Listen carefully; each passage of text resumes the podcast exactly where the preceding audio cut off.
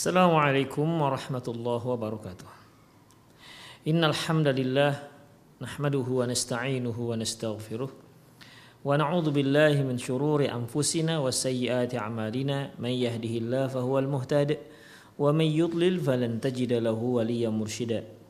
أشهد أن لا إله إلا الله وحده لا شريك له وأشهد أن محمدا عبده ورسوله الذي لا نبي بعده. وقال الله سبحانه وتعالى يا أيها الذين آمنوا اتقوا الله حق تقاته ولا تموتن إلا وأنتم مسلمون. وقال عز من قال يا أيها الذين آمنوا اتقوا الله وقولوا قولا سديدا. يصلح لكم أعمالكم ويغفر لكم ذنوبكم. ومن يطع الله ورسوله فقد فاز فوزا عظيما.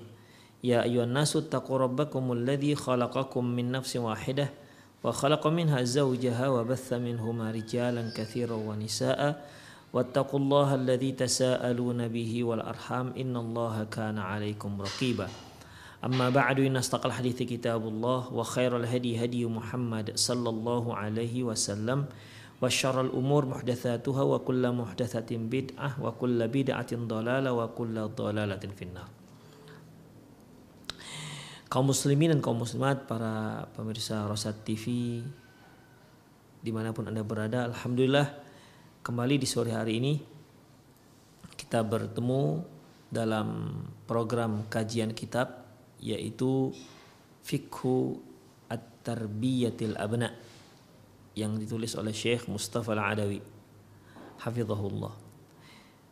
Para pemirsa kita sudah membahas di kajian lalu terkait dengan pendidikan anak bukanlah dimulai sejak si anak sudah mulai sekolah. Juga tidak dimulai sejak si anak lahir. Bahkan pendidikan itu bukan dimulai di saat si anak masih berada dalam rahim ibunya. Tetapi pendidikan anak itu diawali titik awalnya, titik startingnya adalah di saat memilih pasangan. Seorang laki-laki hendaklah dia memilih pasangan yang tepat untuk mendapatkan anak yang soleh dan solehah.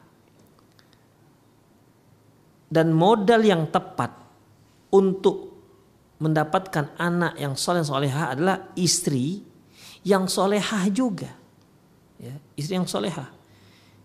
Ya sebagaimana kalau ada seorang ingin, kalau istilah orang sekarang memperbaiki keturunan.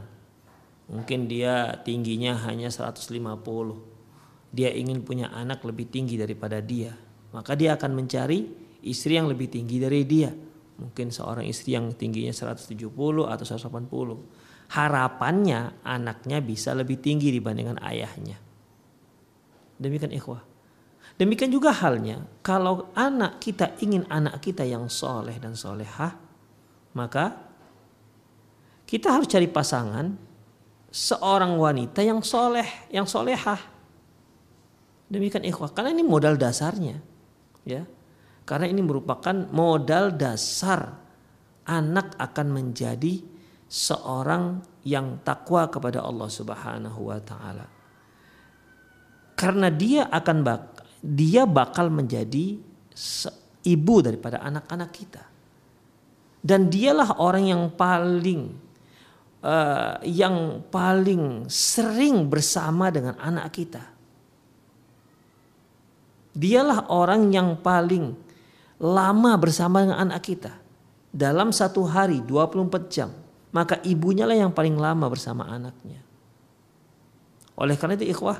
Kalau ibunya ini salah. Ibunya misalnya seorang yang cantik. Wanita yang cantik. Yang hari-hari hanya memperhatikan penampilan. Bagaimana agar kulit senantiasa mulus, putih, bersih.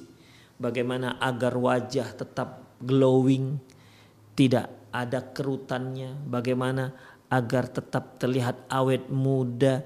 Bagaimana penampilan cara jalan yang baik. atau pak bagaimana agar dia ter, senantiasa terlihat sebagai seorang wanita yang fashionable misalnya. Kalau hanya itu yang dipikirkan, terus gimana cara mencetak anak yang solehah atau anak yang soleh yang bertakwa kepada Allah Subhanahu wa taala? Oleh karena itu ikhwah, hendaklah modal dasar ini kita miliki. Di mana memang seorang wanita yang solehah itu pasti yang dia pikirkan gimana caranya agar dia menjadi seorang yang solehah. Senantiasa berkhidmat untuk suaminya dan juga senantiasa pendekatan diri kepada Allah subhanahu wa ta'ala. Kalau wanita yang seperti ini cara berpikirnya, otomatis dia juga akan menginginkan anak yang lahir dari rahim dia adalah anak-anak yang soleh dan soleha. Demikian ikhwah.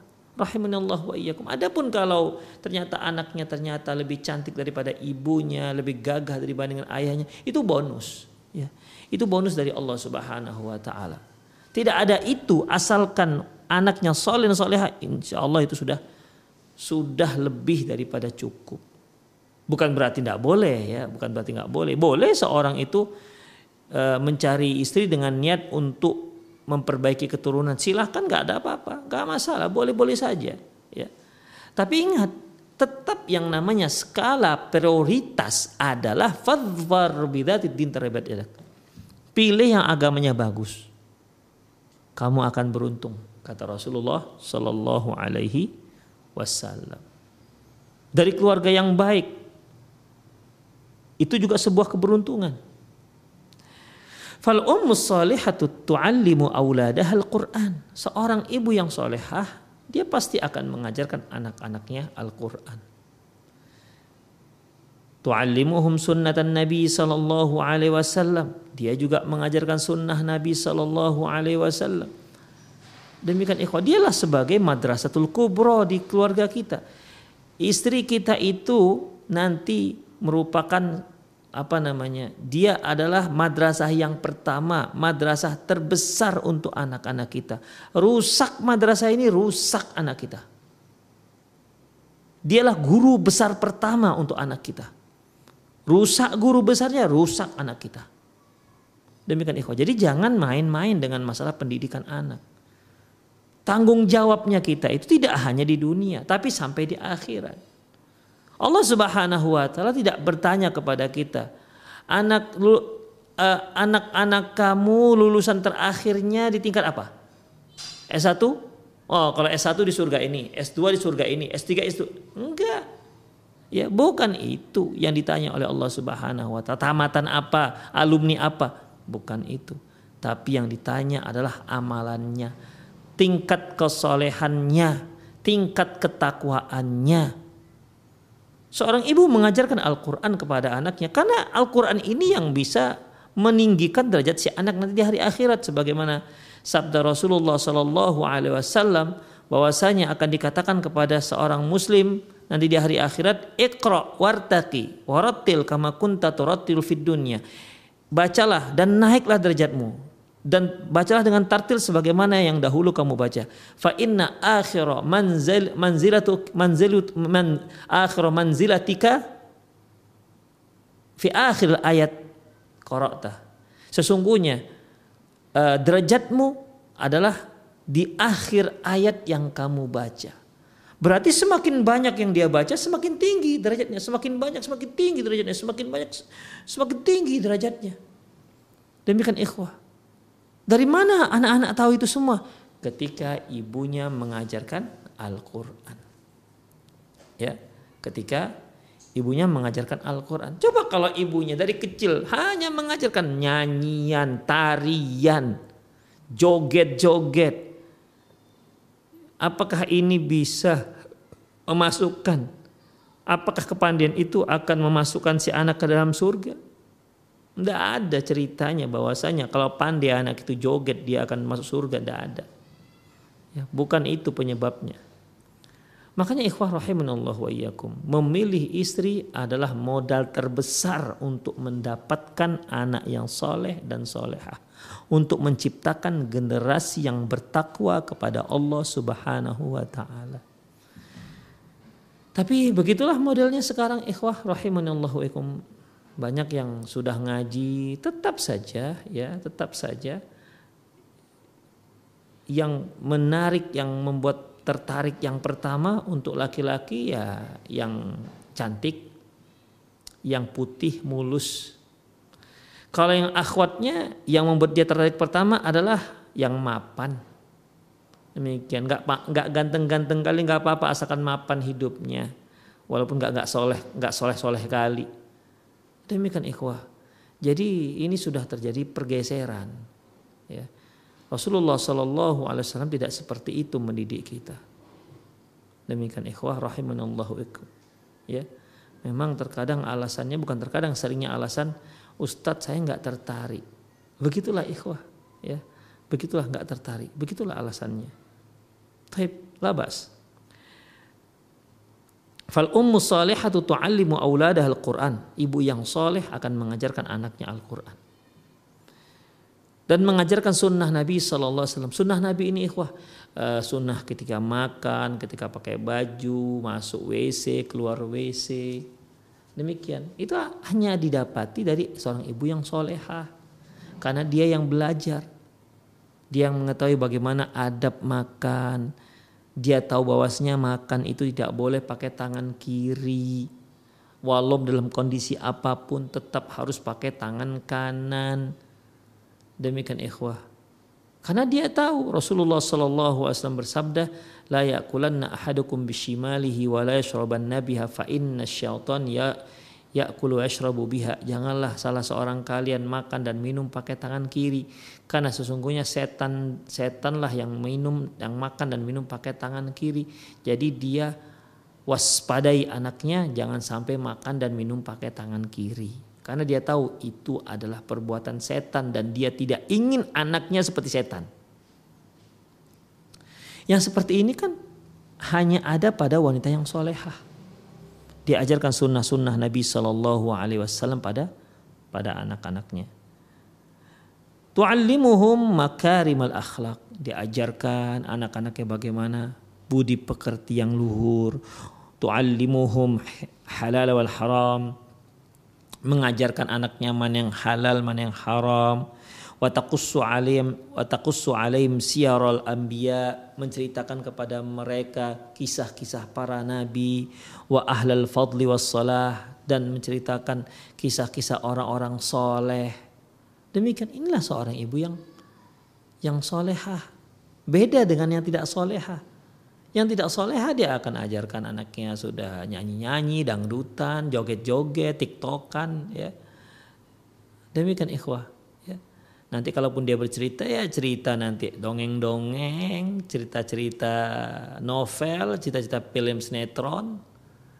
Itulah ikhwah yang diceritakannya. Kalau dia seorang ayah, ceritakan pada anaknya nanti masalah bola, ya, perjalanan bola ini, legendaris pembola ini dan itu, itulah diceritakan. Demikian ikhwan namanya juga dia seorang yang gandrung bola. Tentunya dia banyak mengetahui banyak sejarah tentang bola tentang permainan bola dan pemain bola. Itulah ikhwah rahimani Allah wa iyyakum. Idza asbahathum idza sahibat idza sahibathum ila ahliha salihin izdadu khairan. Kalau kalau dia bawa anaknya untuk mengunjungi keluarganya yang soleh, maka akan bertambah kebaikannya.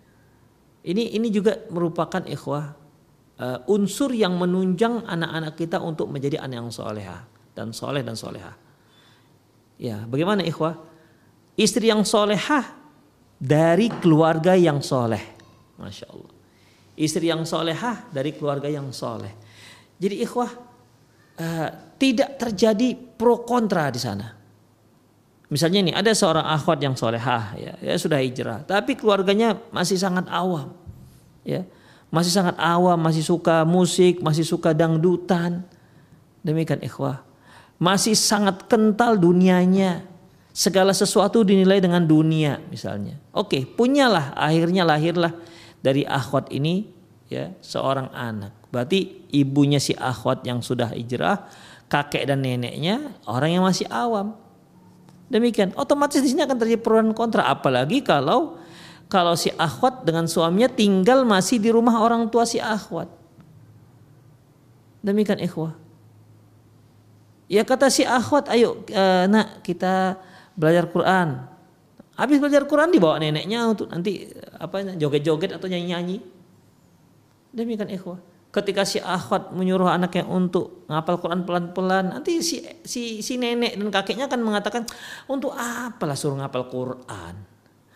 Ya, kasihan dia ngapal Quran.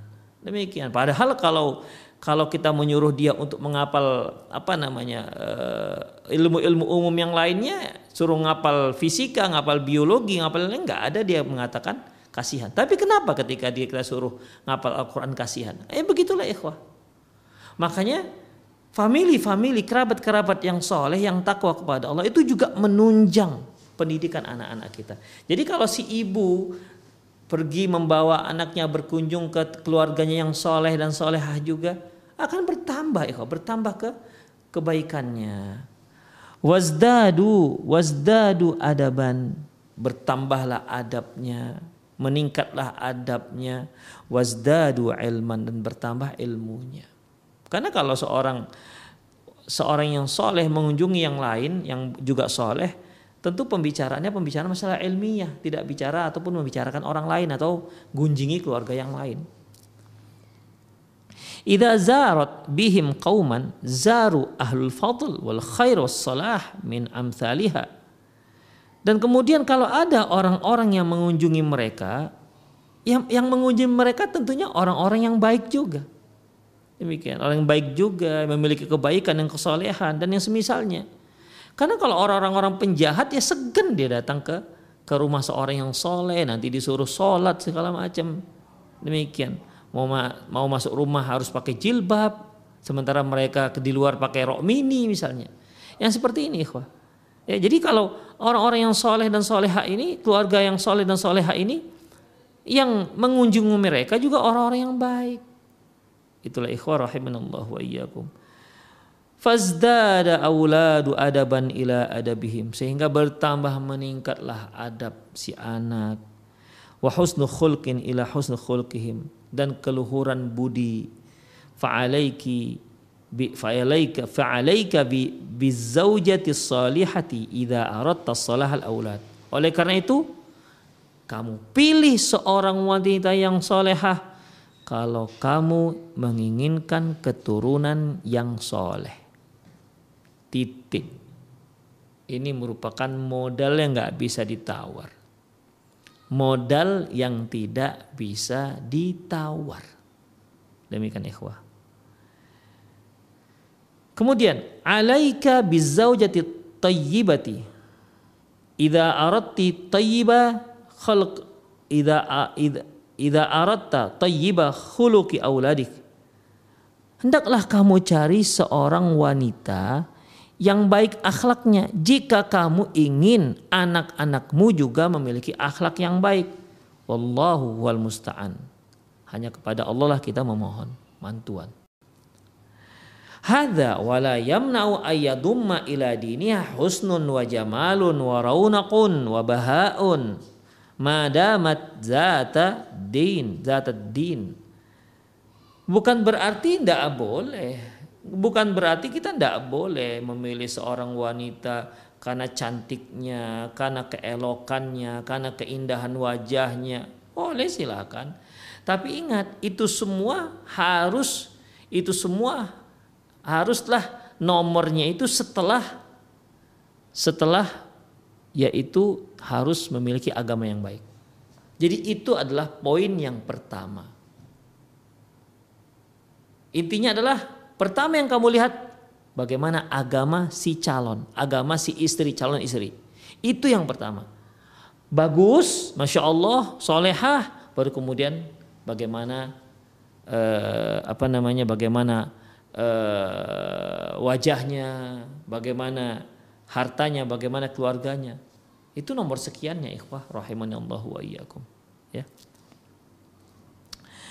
Kemudian, jadi tidak mengapa Anda memilih yang cantik, tapi tetap saja yang cantik dan memiliki agama yang baik. Yang kaya, yang memiliki agama yang baik.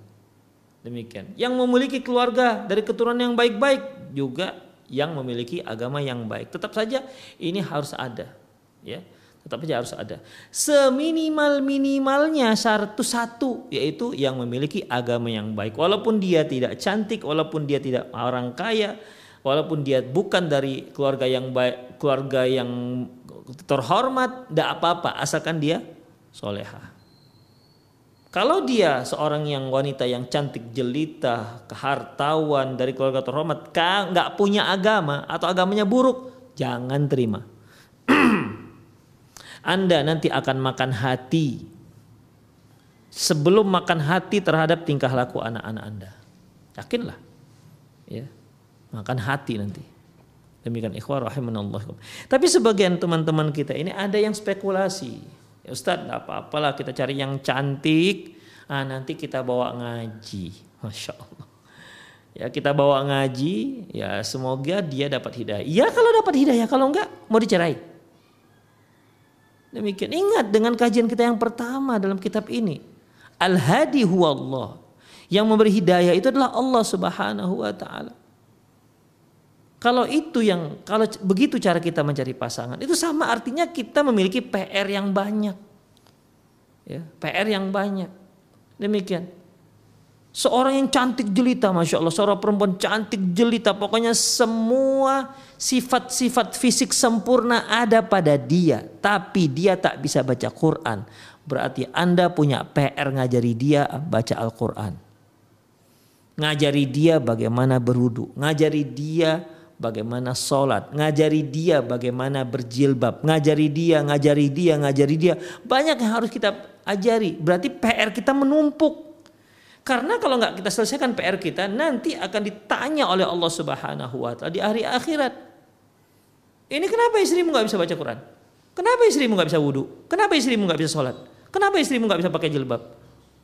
Bukan nggak bisa pakai jilbab, nggak pandai pakai jilbab. Kenapa? Kenapa? Kenapa? Ini semua akan dipertanggungjawabkan di hadapan Allah Subhanahu wa taala. Sanggup Anda seperti itu? Kalau sanggup, tafadhol silahkan. Ya, silahkan. Demikian ikhwah rahimani Allah wa iyyakum. Kemudian ya, fahadha lahu ta'thir ala dzurriyyati fi aghlabil ahwal. Karena uh, seorang wanita yang bagus agamanya itu jelas ya itu umumnya 99% itu sangat berpengaruh terhadap keturunan. Fayatil auladu fil ghalibi ala haminah al hasani wal jamali aidon ka abawaihi. Ya, dan anak yang akan lahir umumnya juga akan sama derajatnya seperti seperti ayah dan bundanya. Demikian ikhwah. Ala tarau anna Fatimah bin anna Fatimah binta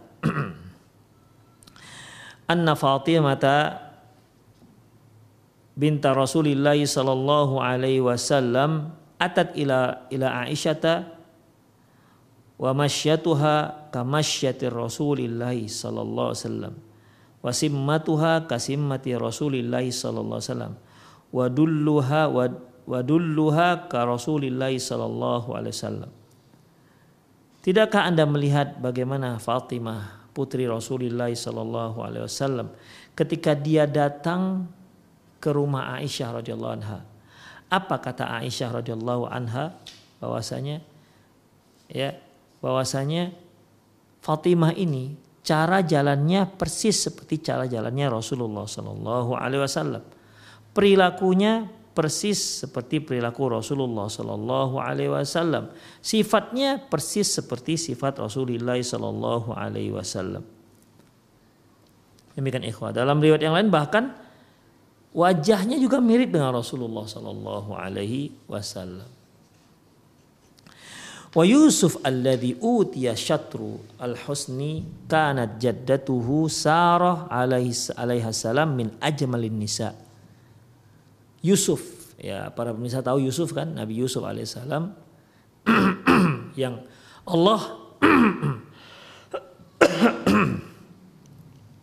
Nabi Yusuf yang Allah Subhanahu yang kata Rasulullah SAW faqad utiya syatrul jamal. Nabi Yusuf yang kata Rasulullah diberikan setengah dari ketampanan dunia ini setengah untuk dia. Bagaimana dia bisa tampan seperti itu? Dia keturunan dari Nabi Ibrahim alaihissalam. Siapa itu ikhwah rahimanallahu iyyakum yaitu neneknya. Siapa neneknya? Saroh. Neneknya Saroh yaitu istri Nabi Ibrahim alaihissalam itu termasuk wanita tercantik di tempat mereka. Ya, termasuk wanita tercantik. Waqad jaa rajulun ila Rasulillah sallallahu alaihi wasallam. Kok kok bisa seperti itu ikhwah? Ya, apakah ada dalilnya? Ada. Ya. Di mana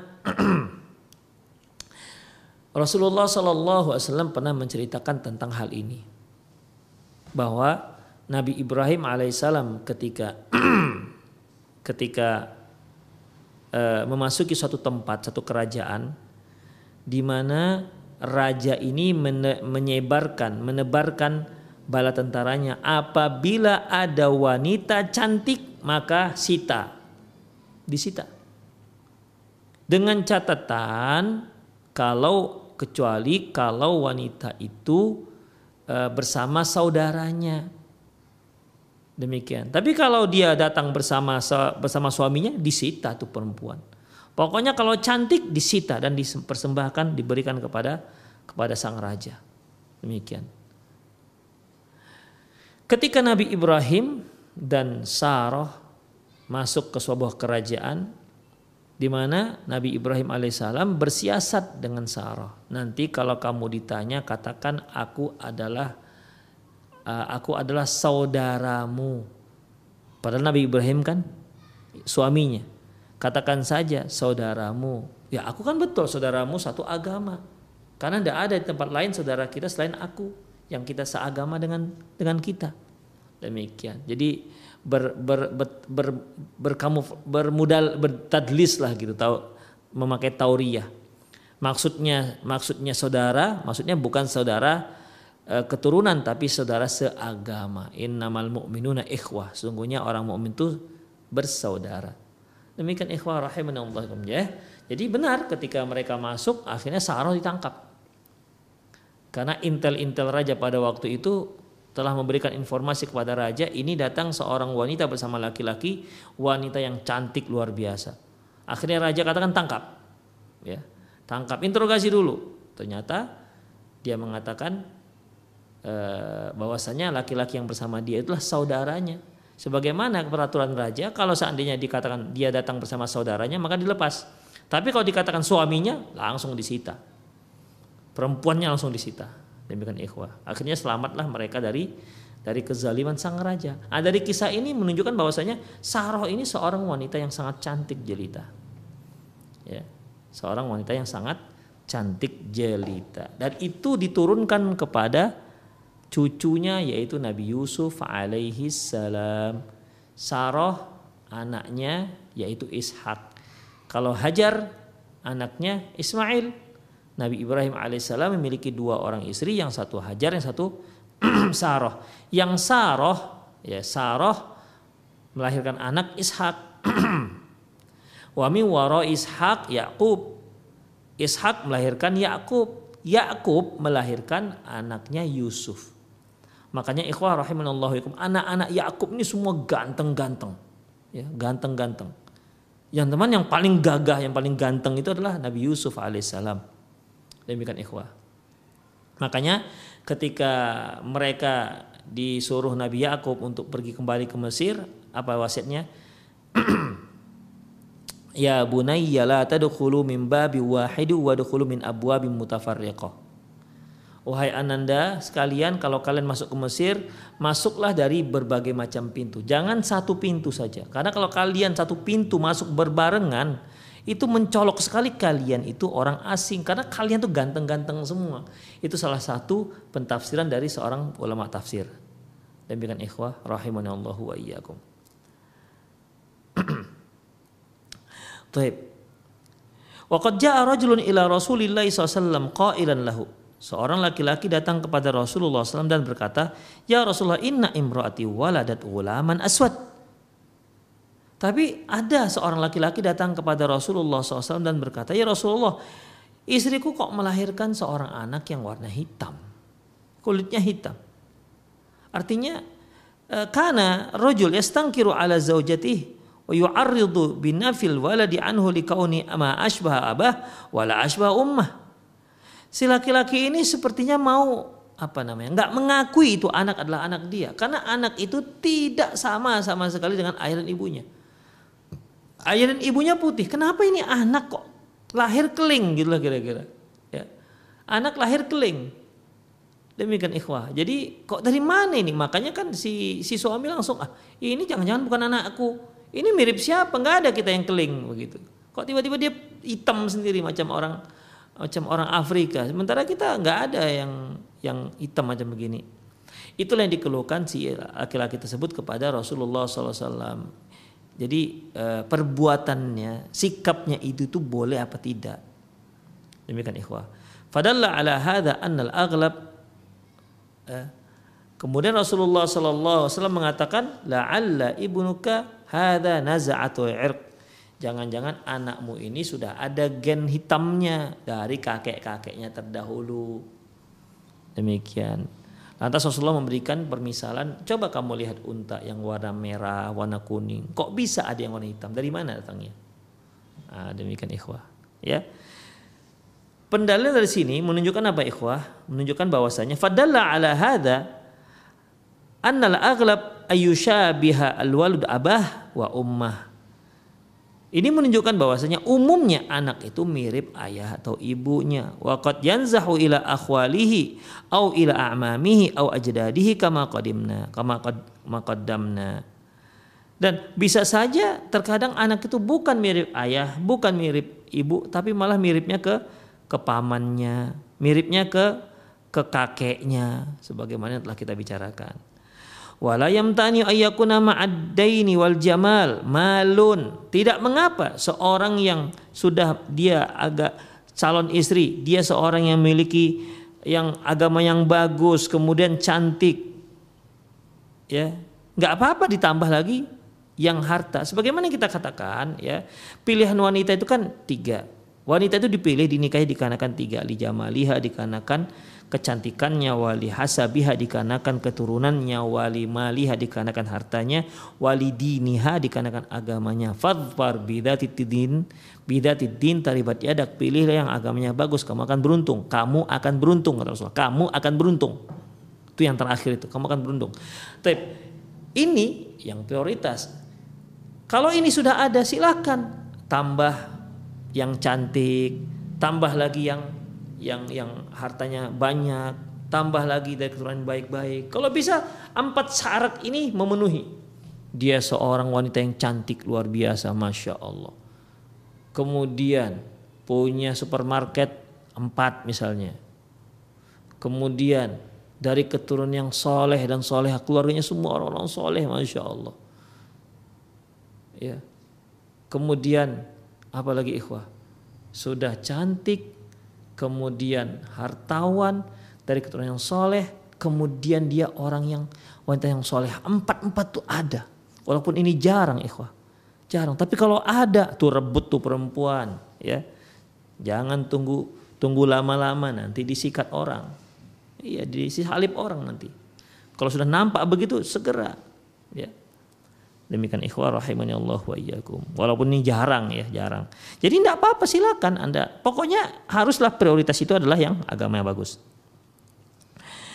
Kadzalika fal malu yarji'u ila aulad biidznillah. Karena harta itu juga nanti akan kembali kepada anak-anak juga dengan izin Allah.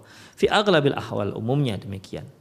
Wali ayyakuna li abnaika miskinan uh, maskanan yaskununa fihi khairun min ayyar min radu wa yustat wa yushattatu wa yantaqilu kulla yawmin min makanin ila makanin. Kemudian kamu menempatkan anakmu di tempat tinggal yang baik, ya tempat tinggal satu tempat tinggal itu lebih baik ketimbang kalau anak-anakmu itu berserak ke mana-mana pindah dari satu tempat ke tempat yang lain karena nggak punya tempat tinggal. Demikian ikhwah rahimanallahu iyyakum. Artinya ya nggak apa-apa juga kalau kita punya harta karena harta itu juga sangat bermanfaat untuk keluarga kita, ya.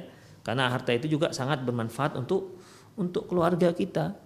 Sebagaimana uh, sabda uh, firman Allah Subhanahu wa taala, wal yakhshal ladzina law taraku min khalfihim dzurriyyatan dhi'afan khafu alaihim. Hendaklah seorang itu khawatir, takut, khawatir dia meninggalkan anak-anak yang lemah. Ya, lemah. Lemah apa? Lemah ekonominya. Sehingga mereka nanti ketika peninggalan kita akhirnya mereka harus meminta-minta, mengemis. Makanya bagi seorang laki-laki hendaklah dia berupaya untuk berupaya semaksimal mungkin untuk memberikan nafkah yang cukup bagi keluarganya, bagi istri dan anak-anaknya. Berupayalah semaksimal mungkin. Wala yamtanu ayyakuna al-ummu ma'adha hadha kullu dzat hasabin.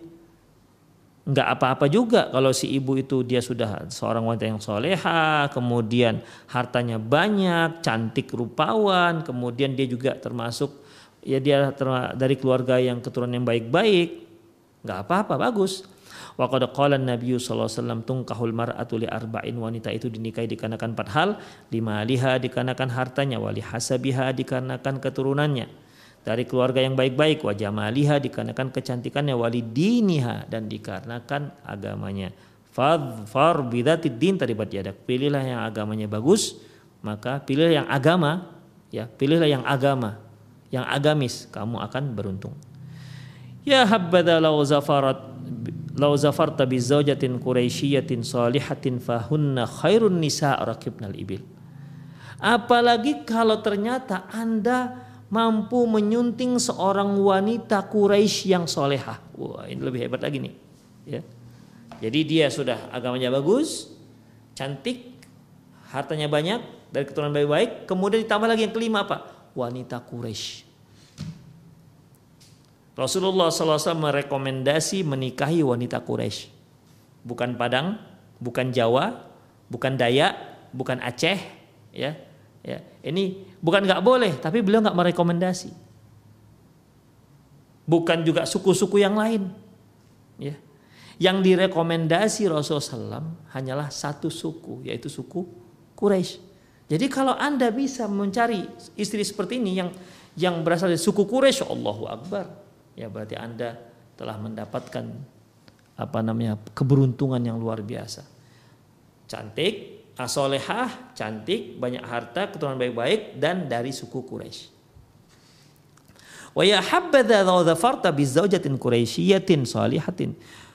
Seandainya sangat beruntung juga, sangat beruntung jika ternyata Anda memiliki pasangan e, calon pasangan ataupun pasangan wanita Quraisy yang solehah. Jadi wanita Quraisy yang solehah. Kalau Quraisy tapi nggak solehah, lemparkan saja lah ke pinggir. Demikian ikhwah. Ya. Kalau Quraisy nggak solehah untuk apa gunanya?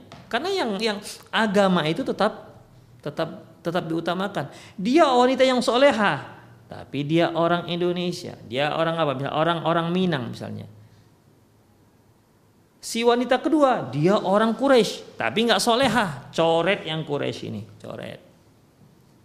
Demikian ikhwah. Jadi kalau dari yang empat ini tambah satu lagi dia wanita Quraisy, masya Allah itu jauh lebih baik. Karena Rasulullah mengatakan khairun nisa'i raqibnal ibil. Ya, sebaik-baik wanita adalah wanita yang mengendarai unta. Karena orang Quraisy itu kebiasaan mereka baik laki-laki maupun perempuannya itu suka naik unta. Ya, demikian ikhwah. Wa indahunna fil ghalib minal hanani alal atfal. Umumnya wanita Quraisy ini sangat sayang dengan anak-anak. Wari ayatul azwaj ma laisa inda ghairihim dan sangat perhatian terhadap suaminya yang tidak dimiliki oleh suku-suku yang lain. Itu dia. Jadi ini khususnya bagi para jomblo-jomblo ya. Boleh juga lah dia isma, tambah doanya yaitu wanita solehah yang Quraisy. Demikian. Ya demikian juga para ayah-ayah yang sudah menikah kalau ingin mencari istri yang kedua coba cari yang Quraisy. Semoga ada. Insyaallah ya. Demikian ikhwah rahimanallah wa iyyakum. Jadi beliau merekomendasi wanita Quraisy itu ya. Sebaik-baik wanita adalah wanita yang mengendarai unta. Maksudnya adalah orang Quraisy yang memang wanitanya suka mengendarai unta. Kenapa mereka ikhwah? Sebagaimana sabda Rasulullah SAW, khairu nisa'in benal ibil. Salihu nisa'il Quraisy. Sabda Rasulullah SAW sebaik-baik wanita adalah wanita yang mereka mengendarai unta ya mengendarai unta mereka adalah wanita soleh dari suku Quraisy ahna'u ala waladin fi yang sangat sayang terhadap anaknya di saat mereka masih kecil di saat anak masih kecil. Wa ar'aha ala zaujin fi dan sangat perhatian sangat memberikan khidmat kepada istri-istri kepada uh, suami-suaminya kepada suaminya. Itulah keistimewaan wanita Quraisy. Wa kadzalikal mar'atu yustahabbu laha an abnaiha aban salihan tadi kita panjang lebar membicarakan seorang laki-laki harus mencari wanita yang soleha yang intinya yang pertama yang diprioritaskan pertama adalah yang soleha. Setelah itu terserah ya. Kalau sudah empat pun ada tambah satu lagi yang wanita Quraisy itu masya Allah lebih baik. Demikian ikhwah ya. Demikian juga sebaliknya. Seorang wanita juga harus mencari pasangan menerima pasangan yang melamarnya adalah laki-laki yang soleh Demikian karena ini akan menjadi pemimpinnya. Dialah yang akan menjadi nahkoda bahtera rumah tangga yang akan belajar akan belayar mengarumi lautan dan lautan tidak ada yang tenang. Tetap sedikit banyak tetap ada riak-riaknya. Dan satu waktu akan datang akan datang gelombang yang sangat dahsyat yang mungkin kalau tidak pandai nakhoda eh, kalau seandainya nakhoda tidak pandai ya tidak pandai mengendalikan bahteranya, maka bahtera akan pecah. Maka butuh seorang nakhoda yang tangguh. Butuh seorang nakhoda yang ulet. Butuh seorang nakhoda yang yang berpengalaman. Demikian ikhwah. Yang punya ilmu. Itu dia. Ya, demikian juga halnya dengan nakhoda sebagai suami. Dia harus orang yang soleh. Karena orang soleh itu adalah orang yang tangguh. Hendaklah dia memilih, si wanita hendaklah dia memilih ayah yang soleh untuk anak-anaknya. Tatafa tatawafaru fihi sifatus sabiqatu min dinin wa husni khuluqin. Di mana pada laki-laki tersebut memiliki sifat-sifat yang lalu yang telah lalu yaitu agamanya baik, kemudian akhlaknya wa ayyakuna dzata malin hatta la yudayyi'uha hatta la yudayyuha wa yudayyu auladaha. Dan dan upayakan yang memiliki harta yang mampu memberikan nafkah maksudnya. Sehingga si laki-laki tersebut tidak menyia-nyiakan dirinya dan tidak menyia-nyiakan anak-anaknya. Demikian ikhwah rahimanallahu ikum. Makanya Rasulullah kan mengatakan Ya ma'syarus syabab man istata'a minkumul ba'a falyatazawwaj Wahai para pemuda, barang siapa di antara kalian yang sudah sanggup menikah, maka menikahlah. Yang sudah sanggup menikah, maka menikahlah. Fa innahu aghaddu lil basar wa ahsanu lil farj. Karena hal itu lebih bisa menundukkan pandangan dan lebih lebih mampu menjaga kemaluan. Demikian ikhwah rahimani Allah wa iyyakum. Ba'a di sini ya.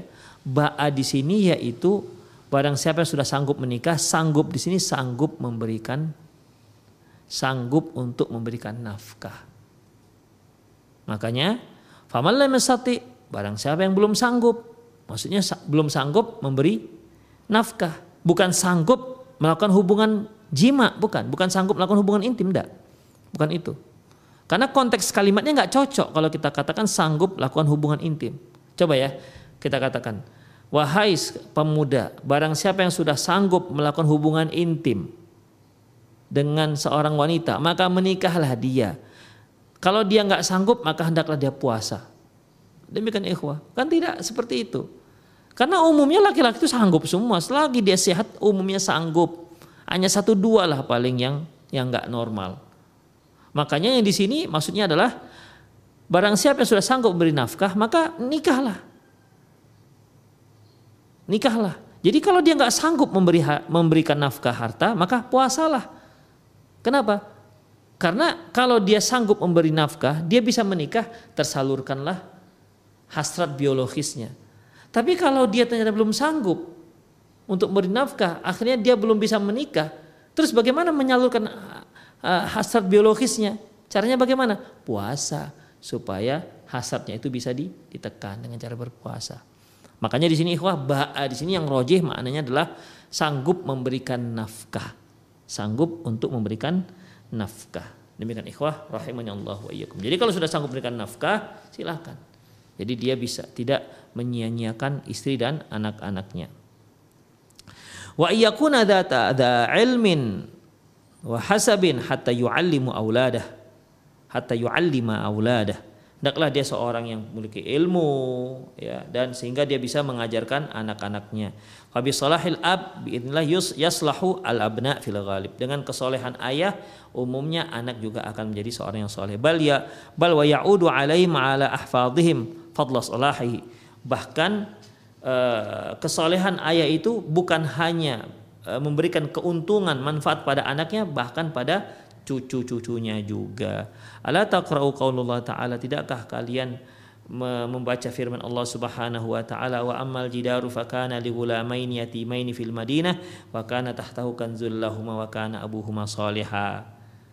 Ya, ini sebagaimana yang uh, kisah uh, apa namanya kisah di mana uh, Nabi Khidir uh, membangun apa memperbaiki dinding yang sudah sudah rubuh yang mau rubuh sehingga dinding tersebut kembali bagus karena di bawahnya itu ada ada harta simpanan seorang ayah yang soleh untuk anaknya yang yang sudah yatim. Jadi ayahnya sudah meninggal dan hartanya ada terpendam di situ di bawah dinding tersebut. Demikian ikhwas sebagaimana yang telah kita bicarakan secara rinci.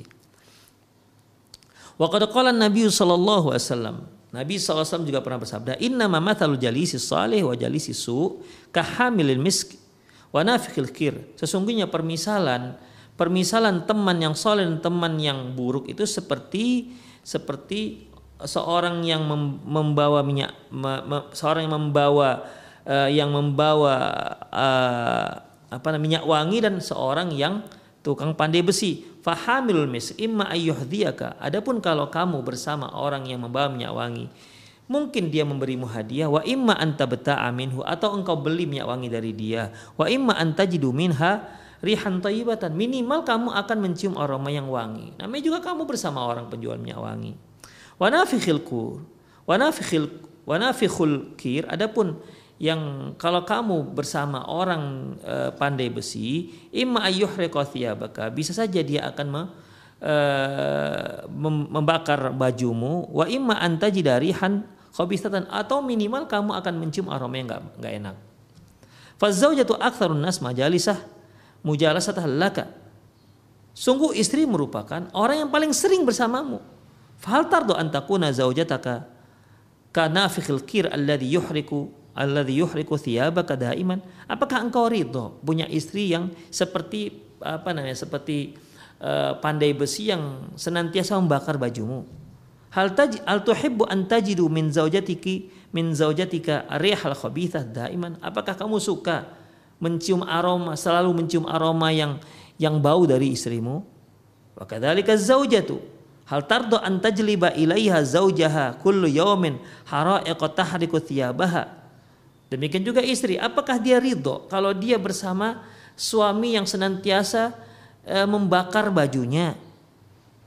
Bal watahriku badanaha watak'tau kabidaha. Bahkan bisa saja membakar jasadnya, badannya, tubuhnya, bahkan mungkin bisa memotong e, hatinya. Fazaujuha aktar jalisan laha. Karena suami itu merupakan orang yang paling sering duduk bersama dia.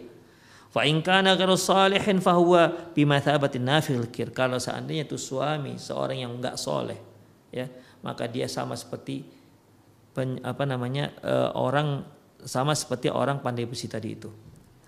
Demikian ikhwah. Bal huwa wallahi ashaddu min dzalika dararuhu fil akhirat fil awab fil akhiratil azim. Bahkan itu lebih berbahaya nanti di di hari akhirat. Syarru mustatir alaiha fi diniha wa dunyah keburukannya itu meliputi meliputi dia kehidupan dia di dunia dan akhirat. Meliputi dia merusak agamanya dan merusak dunianya.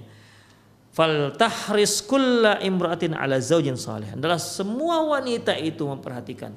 Hendaklah dia berupaya untuk mendapatkan seorang suami yang saleh walitah waliyahris kulla zaujin ala imra'atin salihatin.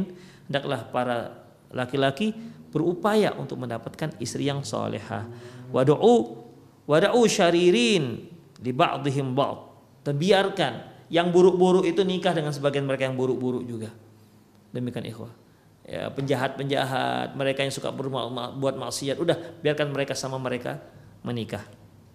Fahum aula bihi bibau. Mereka lebih cocok untuk menikah sama mereka. Wa ahlul iman aula bibau. Sementara orang yang beriman itu lebih cocok dia menikah dengan wanita yang beriman juga. Laki-laki yang soleh cocok menikah dengan wanita yang soleh. Adapun kalau dia penzina, udah biarkan dia nikah dengan sama-sama penzina.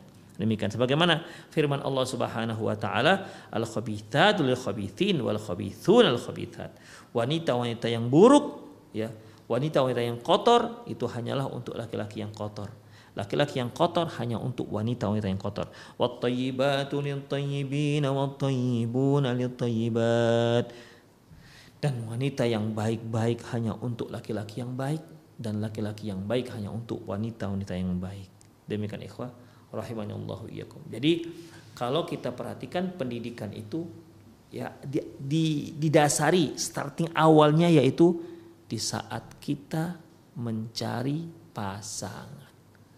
Ada satu hal yang perlu diingat. Ketika Anda menginginkan pasangan Anda, Anda mendapatkan pasangan yang soleh atau solehah, maka mulailah dari diri Anda. Solehkan diri Anda. Solehahkan diri anti Semoga dengan demikian Allah memberi anti pasangan yang soleh. Semoga dengan demikian Anda mendapatkan Allah berikan Anda seorang istri yang solehah. Demikian ikhwah rahimani Allah wa iyyakum. Itulah semoga bermanfaat. Aku lu qauli hadza wa astaghfirullah li muslimin innahu huwal ghafur rahim. Tapi bagi para pemirsa yang ingin bertanya, silakan boleh telepon langsung ke nomor yang sudah tertera di layar televisi Anda atau juga boleh uh, kirimkan melalui via chat atau juga boleh melalui di 08956113277778. Tapi sudah ada pertanyaan yang masuk. Ustadz, apakah suku Quraisy masih ada sampai sekarang? Oh banyak, ya banyak. Suku Quraisy banyak. Di Arab Saudi masih banyak suku Quraisy. Demikian ikhwah rahimani Allah wa iyyakum ya. Ada suku Quraisy masih ada. Keturunan-keturunan dia tidak harus keturunan Rasulullah. Rasulullah itu kan suku Quraisy ini banyak. Ya. Ada yang Bani Hashim ya. Ada yang Bani Hashim. Kalau yang Rasulullah itu kan dari Bani Hashim. Udah. Jadi suku Quraisy ini banyak kabilah-kabilahnya. Yang dari keturunan Rasulullah itu kan ya dari Rasulullah. Sementara Bani Hashim kan banyak. Ya. Bani Hashim itu juga banyak orang-orang yang banyak, bukan hanya Rasulullah. Yang dari keturunan Rasulullah itu dikatakan ahlul bait. Demikian ikhwah. Jadi eh, apa namanya? Yang dari yang lain, yang dari yang lain itu kan suku Quraisy juga. Demikian ikhwah rahimanallahu wa iyyakum. Seperti Utsman bin Affan, itu kan suku Quraisy. Abu Bakar suku Quraisy. Walaupun bukan dari Bani Bani Hashim. Demikian banyak suku Quraisy banyak. Hanya mungkin uh, tidak begitu terekspos ya masih banyak. Insya Allah ini yang penanya ini sepertinya lagi serius ini mencari akhwat yang bersyukur Quraisy.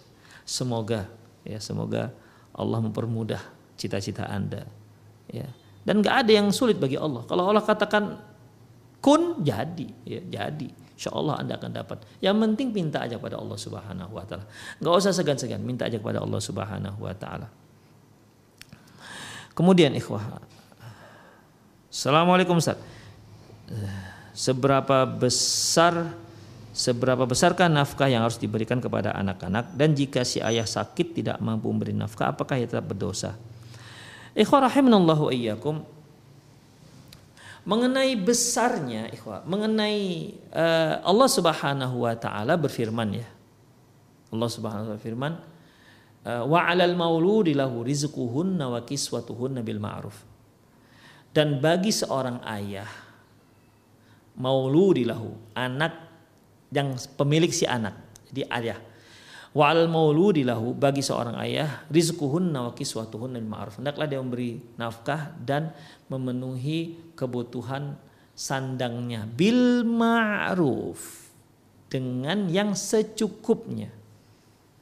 Jadi ikhwah rahimanallah wa iyyakum kalimat wa alal maulud wa alal maulud ini wa alal mauludi lahu ini menunjukkan kewajiban. Jadi setiap suami itu wajib untuk memberikan nafkah kepada keluarganya. Kalau dia tidak berikan, maka dia berdosa. Bahkan kalau dia sanggup memberikan yang cukup, tapi dia tidak berikan yang cukup, dia juga berdosa. Jadi bukan sekedar memberikan, tapi memberikan yang cukup. Demikian ikhwah. Adapun kadarnya, berapanya, ikhwah, karena kalimatnya dari Allah Subhanahu wa taala bil ma'ruf secukupnya berarti kadarnya ter, terkait dengan seberapa kebutuhannya. Makanya Allah katakan liunfiq dzu sa'atim min sa'atih. Hendaklah seorang itu memberikan nafkahnya ya dalam waktu ke waktu. Wa man qudira alaihi rizquh falyunfiq mimma atahullah. Barang siapa yang uh, ternyata ekonominya sempit. Ya miskin lah kita katakan. Fik mimma. Fik maka hendaklah diberi memberikan e, nafkahnya itu hendaklah dia memberikan nafkahnya itu sesuai dengan kesanggupannya. Ya fik mimma jadi ikhwah mengenai besarnya itu tidak ditentukan oleh Allah Subhanahu wa taala. Ya mengenai besarnya tidak ada ditentukan oleh Allah Subhanahu wa taala. Jadi di sini yang diwajibkan adalah hanya eh, yang diwajibkan adalah yang penting suami itu harus untuk memenuhi kebutuhan. Itu dia. Ya, semampunya. Semampunya. Demikian ikhwah. Bagaimana kalau seandainya sakit tidak mampu memberikan nafkah? Ikhwah, yang namanya syariat Islam itu tetap la yukallifullahu nafsan illa wus'ah. Allah tidak akan membebani sesuatu kecuali yang mampu dia lakukan.